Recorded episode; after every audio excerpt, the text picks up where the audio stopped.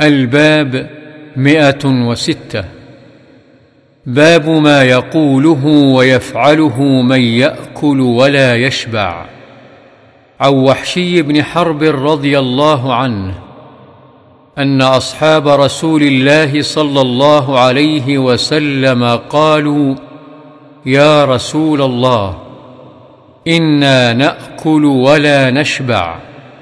قال فلعلكم تفترقون. قال نعم. قال فاجتمعوا على طعامكم واذكروا اسم الله يبارك لكم فيه.